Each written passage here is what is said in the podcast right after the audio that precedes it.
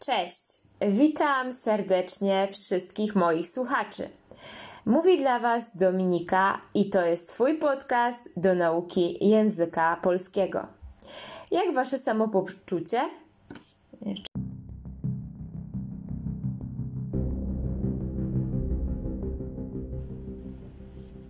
Cześć, witam serdecznie wszystkich moich słuchaczy. Mówi dla Was Dominika i to jest Twój podcast do nauki języka polskiego. Jak Wasze samopoczucie? Jak się macie? Napiszcie do mnie. Oczywiście przypominam, że jeśli ktoś pragnie otrzymać bezpłatną transkrypcję tego nagrania, to proszę o wiadomość e-mail. Mój e-mail znajduje się na dole w opisie. Dzisiaj będę mówić troszkę szybciej. Jeśli nie wszyscy mnie rozumieją, zawsze możecie zmienić prędkość. YouTube posiada taką opcję. Dzisiaj poopowiadam Wam trochę o stolicy Polski Warszawie. Informacje te przydadzą się w szczególności osobom, które w przyszłości planują zdawać egzamin na kartę Polaka. Niestety, nigdy nie mieszkałam w Warszawie, choć zawsze była ona obiektem moich marzeń i westchnień. Zawsze jak jadę z Łodzi do Warszawy pociągiem, i przejeżdżam przez most, z którego widać Wisłę, cieszy się moje oko. Sądzę, że w przeciągu zaledwie kilku lat Warszawa bardzo się zmieniła. W centrum ciągle powstaje coraz więcej wieżowców, w których mieszczą się siedziby zagranicznych firm. Dlaczego stolica jest taka piękna? Odpowiedź na to pytanie jest prosta. Ponieważ Warszawa była doszczętnie zniszczona podczas II wojny światowej. Niemcy dążyli do tego, aby pozbawić Polaków wszystkich zabytków i tak przykładowo Zamek Królewski, który współcześnie jest piękną wizytówką Warszawy, którą możecie zobaczyć na wielu pocztówkach lub innych pamiątkach, został jesienią 1944 roku zniszczony przez okupantów. Dopiero w 1971 roku zapadła decyzja o jego odbudowie w pozyskanie środków finansowych na jego odbudowę zaangażowali się wszyscy Polacy. Nie tylko ci mieszkający w kraju, ale również za granicą. I tak w 1984 roku Zamek Królewski ponownie został otwarty. Dzisiaj na terenie zamku znajduje się muzeum. Wchodząc do środka, możecie poczuć ten historyczny klimat. Duże wrażenie robi sala senatorska, w której została uchwalona w 1971 roku Konstytucja 3 maja. Była ona pierwszą w Europie, a drugą na świecie nowoczesną konstytucją. Wprowadziła ona między innymi trójpodział władzy Mamy władzę ustawodawczą, dwuizbowy parlament, wykonawczą, król i sądowniczą. Co jeszcze ciekawego można zobaczyć w zamku? Na pewno warto zwrócić uwagę na ogromny portret ostatniego króla Polski, Stanisława Augusta Poniatowskiego. Kolejnym zabytkiem, o którym chciałabym Wam krótko opowiedzieć, jest Pałac Kultury i Nauki. Tego zabytku po prostu nie da się nie zauważyć. Jak będziecie kiedyś w Warszawie i wysiądziecie z pociągu na dworcu centralnym, to zauważycie właśnie ten budynek, który jako pierwszy rzuci Wam się w oczy. Niektórzy Polacy mają mieszane uczucia w stosunku do tej budowli. Wszystko przez to, że stanowi ona symbol komunizmu. Pałac został wybudowany w latach 1952-1955 z inicjatywy władzy komunistycznej. Ciekawostką jest to, iż do 1956 roku nosił imię Józefa Stalina. Muszę podkreślić, iż parę lat temu w Polsce były rozmowy na temat zniszczenia tego zabytku. Jednak według mnie to nie jest dobry pomysł. Zdaję sobie sprawę, że był to dar od komunistów dla Polski i to nie do końca może ludziom się dobrze kojarzyć, ale z drugiej strony stoi on już tyle lat i myślę, iż jest on dobrą wizytówką Warszawy. Zawsze, jak jestem w Warszawie, to lubię odkrywać nowe miejsca. Nowe to znaczy takie, w których nigdy wcześniej nie byłam. Jakieś 4 miesiące temu byłam w Muzeum Polin, czyli w Muzeum Historii Żydów Polskich.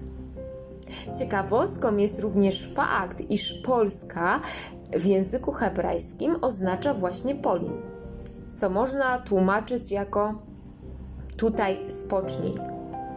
Z tego wynika, że to właśnie Polska miała być dla Żydów miejscem schronienia i odpoczynku. Po muzeum oprowadzał mnie oraz grupę innych ludzi przewodnik. Mężczyzna opowiadał o losach narodu żydowskiego od średniowiecza aż do czasów współczesnych. Oczywiście szczególną uwagę poświęcił II wojnie światowej, w której, jak wiecie, zginęło bardzo wielu Żydów. Część z nich umierała w gettach, inni z kolei byli gazowani w różnych obozach koncentracyjnych, między innymi w Auschwitz. No tak, opowiedziałam Wam już o Zamku Królewskim, Pałacu Kultury i Nauki, Muzeum Polin. Co jeszcze? Słuchajcie, Warszawa ma tak dużo zabytków, że chyba nie starczyłoby mi nocy, żeby o wszystkich Wam opowiedzieć. Chciałabym jeszcze zwrócić Waszą uwagę na rzekę Wisłę, czyli najdłuższą rzekę w Polsce. To właśnie wokół niej toczy się życie studenckie i towarzyskie. Latem ludzie spędzają całe dnie na plaży, piją alkohol, grają w piłkę, jeżdżą na rowerach. Wiadomo, tam gdzie jest rzeka, to i przyjemniej człowiekowi się odpoczywa. Czy też jesteście tego zdania? Napiszcie w komentarzach, co o tym sądzicie. Słuchajcie, powoli będę kończyć ten podcast. Myślę, że w przyszłości nagram jeszcze audycję o Warszawie. Wtedy poopowiadam Wam o Uniwersytecie Warszawskim, Głównej Szkole Handlowej, Muzeum Powstania Warszawskiego i wielu innych zabytkach. Na dzisiaj to koniec. Dziękuję za wysłuchanie mojego podcastu. Mówiła dla Was Dominika.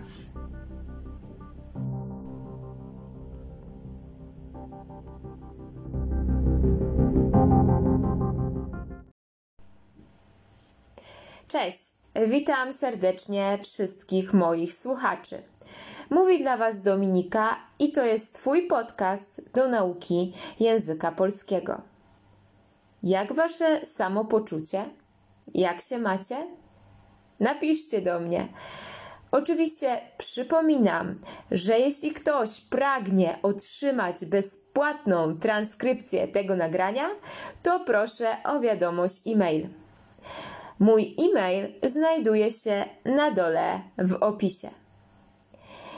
Dzisiaj będę mówić troszkę szybciej.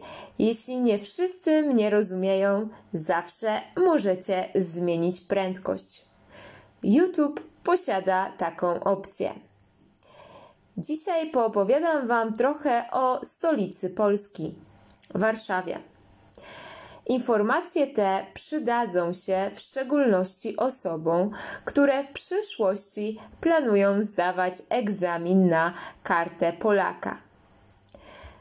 Niestety, nigdy nie mieszkałam w Warszawie, choć zawsze była ona obiektem moich marzeń i westchnień.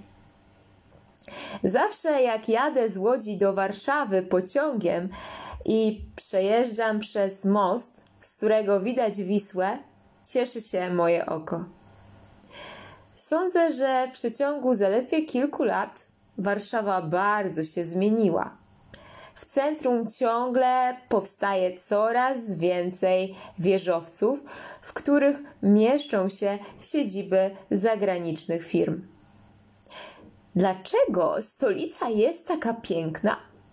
Odpowiedź na to pytanie jest prosta. Ponieważ Warszawa była doszczętnie zniszczona podczas II wojny światowej. Niemcy dążyli do tego, aby pozbawić Polaków wszystkich zabytków. I tak przykładowo Zamek Królewski, który współcześnie jest piękną wizytówką Warszawy, którą możecie zobaczyć na wielu pocztówkach lub innych pamiątkach, został jesienią 1944 roku zniszczony przez okupantów. Dopiero w 1971 roku zapadła decyzja o jego odbudowie. W pozyskanie środków finansowych na jego odbudowę zaangażowali się wszyscy Polacy. Nie tylko ci mieszkający w kraju, ale również za granicą. I tak w 1984 roku Zamek Królewski ponownie został otwarty. Dzisiaj na terenie zamku znajduje się muzeum. Wchodząc do środka, możecie poczuć ten historyczny klimat. Duże wrażenie robi sala senatorska, w której została uchwalona w 1971 roku Konstytucja 3 maja. Była ona pierwszą w Europie, a drugą na świecie nowoczesną konstytucją. Wprowadziła ona między innymi trójpodział władzy. Mamy władzę ustawodawczą, dwuizbowy parlament, wykonawczą, król i sądowniczą. Co jeszcze ciekawego można zobaczyć w zamku? Na pewno warto zwrócić uwagę na ogromny portret ostatniego króla Polski, Stanisława Augusta Poniatowskiego. Kolejnym zabytkiem, o którym chciałabym Wam krótko opowiedzieć, jest Pałac Kultury i Nauki. Tego zabytku po prostu nie da się nie zauważyć. Jak będziecie kiedyś w Warszawie i wysiądziecie z pociągu na dworcu centralnym, to zauważycie właśnie ten budynek, który jako pierwszy rzuci Wam się w oczy. Niektórzy Polacy mają mieszane uczucia w stosunku do tej budowli. Wszystko przez to, że stanowi ona symbol komunizmu. Pałac został wybudowany w latach 1952-1955 z inicjatywy władzy komunistycznej. Ciekawostką jest to, iż do 1956 roku nosił imię Józefa Stalina. Muszę podkreślić, iż parę lat temu w Polsce były rozmowy na temat zniszczenia tego zabytku. Jednak według mnie to nie jest dobry pomysł. Zdaję sobie sprawę, że był to dar od komunistów dla Polski i to nie do końca może ludziom się dobrze kojarzyć, ale z drugiej strony stoi on już tyle lat i myślę, iż jest on dobrą wizytówką Warszawy. Zawsze, jak jestem w Warszawie, to lubię odkrywać nowe miejsca. Nowe to znaczy takie, w których nigdy wcześniej nie byłam. Jakieś cztery miesiące temu byłam w Muzeum Polin, czyli w Muzeum Historii Żydów Polskich. Ciekawostką jest również fakt, iż Polska w języku hebrajskim oznacza właśnie Polin, co można tłumaczyć jako tutaj spocznij. Z tego wynika, że to właśnie Polska miała być dla Żydów miejscem schronienia i odpoczynku. Po muzeum oprowadzał mnie oraz grupę innych ludzi przewodnik. Mężczyzna opowiadał o losach narodu żydowskiego od średniowiecza aż do czasów współczesnych. Oczywiście szczególną uwagę poświęcił II wojnie światowej, w której, jak wiecie, zginęło bardzo wielu Żydów. Część z nich umierała w gettach, inni z kolei byli gazowani w różnych obozach koncentracyjnych, między innymi w Auschwitz. No tak, Opowiedziałam Wam już o Zamku Królewskim, Pałacu Kultury i Nauki, Muzeum Polin. Co jeszcze?